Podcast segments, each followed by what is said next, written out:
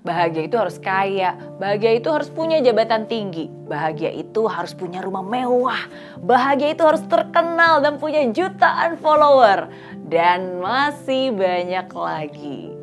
Ya, standar bahagia sering kali dipakai oleh dunia Hmm, tapi apakah kamu masih menganggap bahwa bahagia itu dapat dipatok dengan standar-standar seperti yang saya ucapkan tadi? Standar-standar tertentu? Jika iya, mungkin kamu harus siap-siap ya. Siap-siap apa? Siap-siap karena kamu tidak akan pernah merasa bahagia dalam hidup ini kalau kamu menentukan kebahagiaan kamu dengan standar-standar seperti tadi. Ya, ada banyak hal yang bisa kamu pelajari dari lingkungan sekitar agar kamu bisa memiliki hidup yang lebih bahagia tanpa dipatok dengan standar-standar bahagia tertentu. Nah, jadi ini dia 5 cara untuk bisa membuat hidup kamu lebih bahagia. Yang pertama, mencintai diri sendiri. Ya, saat ini segala sesuatu bergerak dengan sangat cepat.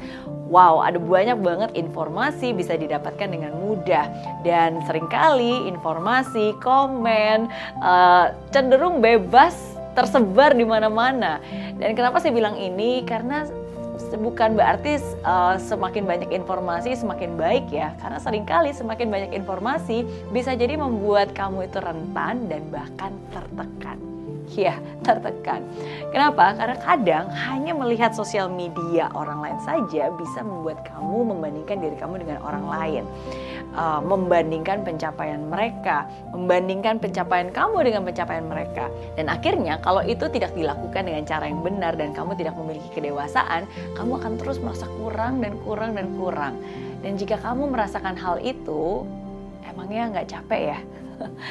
Pernah nggak sih kamu ngerasain Well, ya saya yakin itu manusiawi ya, karena sering kali ketika kita melihat orang lain, awalnya mungkin kita ingin menjadi seperti mereka. Tapi ketika kita sadar bahwa kita tidak bisa menjadi seperti mereka, atau kita belum menjadi menjadi seperti mereka, ya sering kali kita jadi um, apa ya merasa rendah diri. Ya, dan itulah cara cara pikiran kita. Dan ketika kamu tidak bisa mencapai apa yang kamu mau, ya sering kali yang ada ya kecewa, terluka, dan merasa tidak berharga ya. Kita semua saya yakin pasti pernah mengalami momen-momen itu. Momen uh, eh, di mana kita merasa rendah diri uh, kurang percaya diri. Saya tahu gimana rasanya kenapa? Karena saya juga pernah mengalaminya. Dan saya yakin setiap manusia pun di dunia ini pasti pernah mengalami hal itu karena pada ujungnya selalu akan ada orang yang lebih baik dari kita, yang lebih punya dari kita. Selalu ada akan ada orang-orang seperti itu. Nah, tapi hal itu jangan sampai membuat kamu depresi, tapi kalau kamu punya kedewasaan diri, kamu bisa menjadikan itu uh, menjadi motivasi, inspirasi untuk memperbaiki diri. Nah, yang perlu kamu ingat, tidak ada manusia yang sempurna. Saya tahu mencintai diri sendiri bukanlah pekerjaan yang mudah. Tapi cobalah untuk belajar menerima, menerima segala kelebihan, menerima segala kekurangan yang kamu miliki. Sesekali kamu bisa kok memberikan hadiah untuk diri sendiri sebagai apresiasi atas begitu banyak hal yang sudah berhasil kamu lewati. Yang kedua, berbuat baik. Ya, perlakukan orang lain seperti kamu ingin diperlakukan.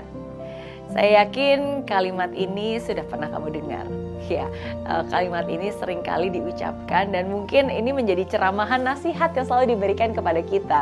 Tujuannya untuk mendorong kita melakukan hal yang baik kepada orang lain.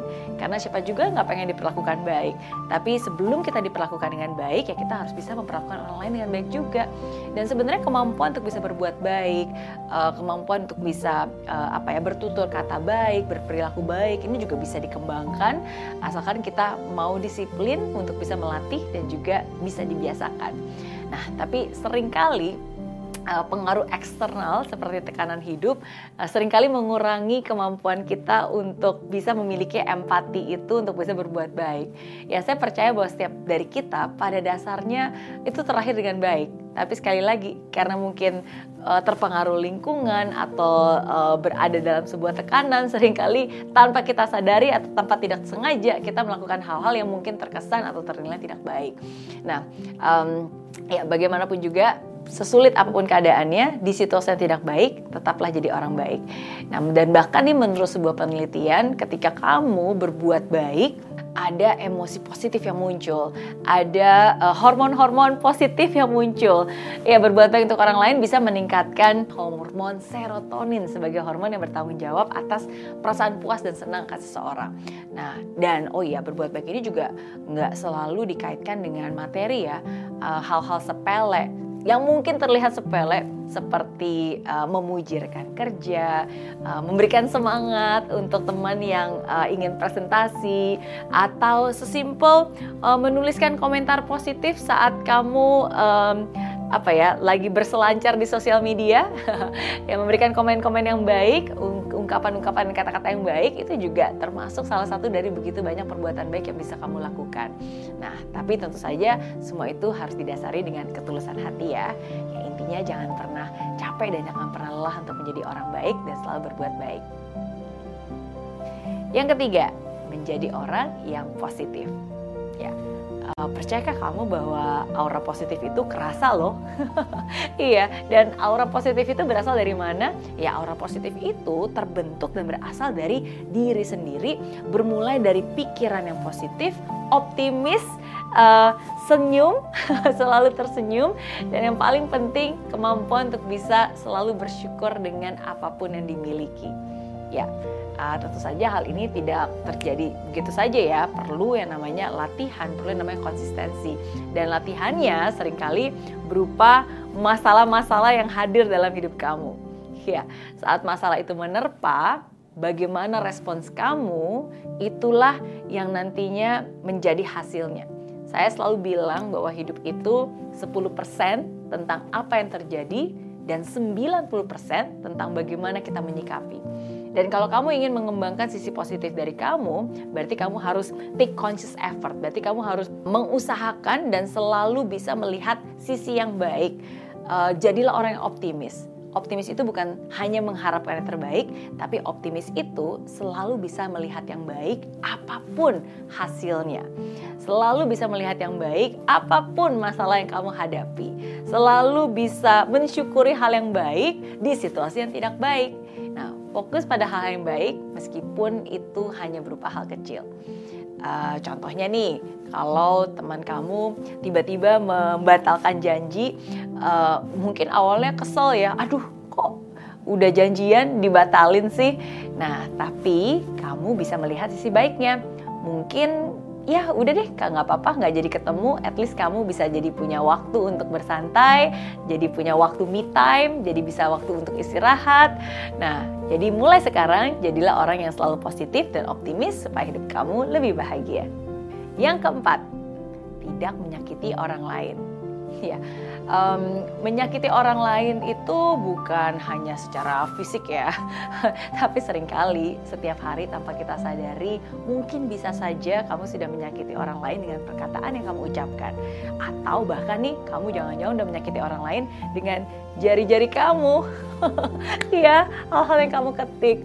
Hati-hati dengan perkataan kamu, hati-hati dengan ketikanmu, eh, hati-hati dengan ucapanmu bisa jadi ucapan atau ketikan itu bisa menyinggung atau bahkan menyakiti hati orang lain. Um, kamu mungkin sering dengar atau bahkan pernah mengatakan ini ya, ah gitu aja baper. Hati-hati loh dengan kalimat ini karena bisa saja kalimat ini menyakitkan bagi orang lain karena tanpa disadari atau enggak setiap orang kan punya cara pandang yang berbeda-beda. Uh, sesuatu yang mungkin buat kamu itu biasa-biasa saja bisa jadi itu sesuatu yang sungguh-sungguh membuat mereka terluka. Ya, um, jadi milikilah empati karena setiap orang melewati proses yang berbeda. Setiap orang melewati jalan yang berbeda dalam hidupnya. Dan sekali lagi, bisa saja yang menurut kita biasa-biasa saja, wow bisa jadi itu menjadi hal yang sensitif bagi orang lain. Mengeluarkan kata-kata memang mudah, tapi menghapus apa yang dikatakan itu yang susah. Jadi nggak ada salahnya untuk kita lebih berhati-hati dengan perkataan kita dan jangan sampai karena perkataan kita membuat orang lain jadi terluka. Yang kelima, selalu memberi. Jangan berkecil hati ketika kamu baru bisa memberi sedikit. Karena yang terpenting itu bukan jumlah yang kamu beri, tapi niat hati saat kamu memberi. Dan jangan pernah takut untuk kekurangan saat kamu memberikan hartamu atau rezekimu kepada orang-orang yang membutuhkan. Uh, udah banyak kok yang kita lihat udah banyak kok ceritanya sudah banyak kok buktinya. Bahkan saya sendiri pun juga sudah sering kali mengalaminya gitu. Bahwa ketika kita memberi justru uh, semakin banyak rejeki yang berlimpah dan semakin uh, tidak ada yang namanya kekurangan. Uh, justru orang yang sangat perhitungan sering kali dialah yang sering kali merasa lebih kekurangan gitu. Dan yang namanya memberi juga uh, itu wujud rasa syukur ya karena rezeki yang sudah Tuhan limpahkan dan Tuhan berikan dan ajaibnya, kamu juga akan bisa merasakan kebahagiaan ketika kamu bisa memberi untuk seseorang. Um, makanya saya selalu bilang nih, kadang-kadang ketika kita merasa sedih dan merasa kurang dan merasa uh, tidak bahagia, caranya gampang. Cobalah keluar rumah dan cobalah untuk memberikan sesuatu kepada orang yang kamu lihat dan kamu temui.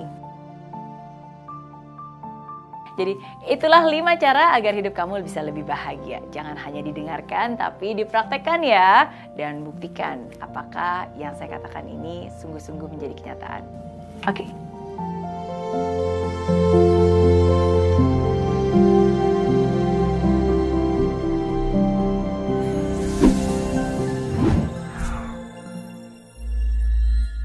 Aplikasi Mary Riana tersedia lengkap video-video YouTube terbaru saya, artikel yang up to date, post inspirasi, koleksi merchandise, workshop dan seminar yang bisa kamu dapatkan free dan download sekarang juga gratis.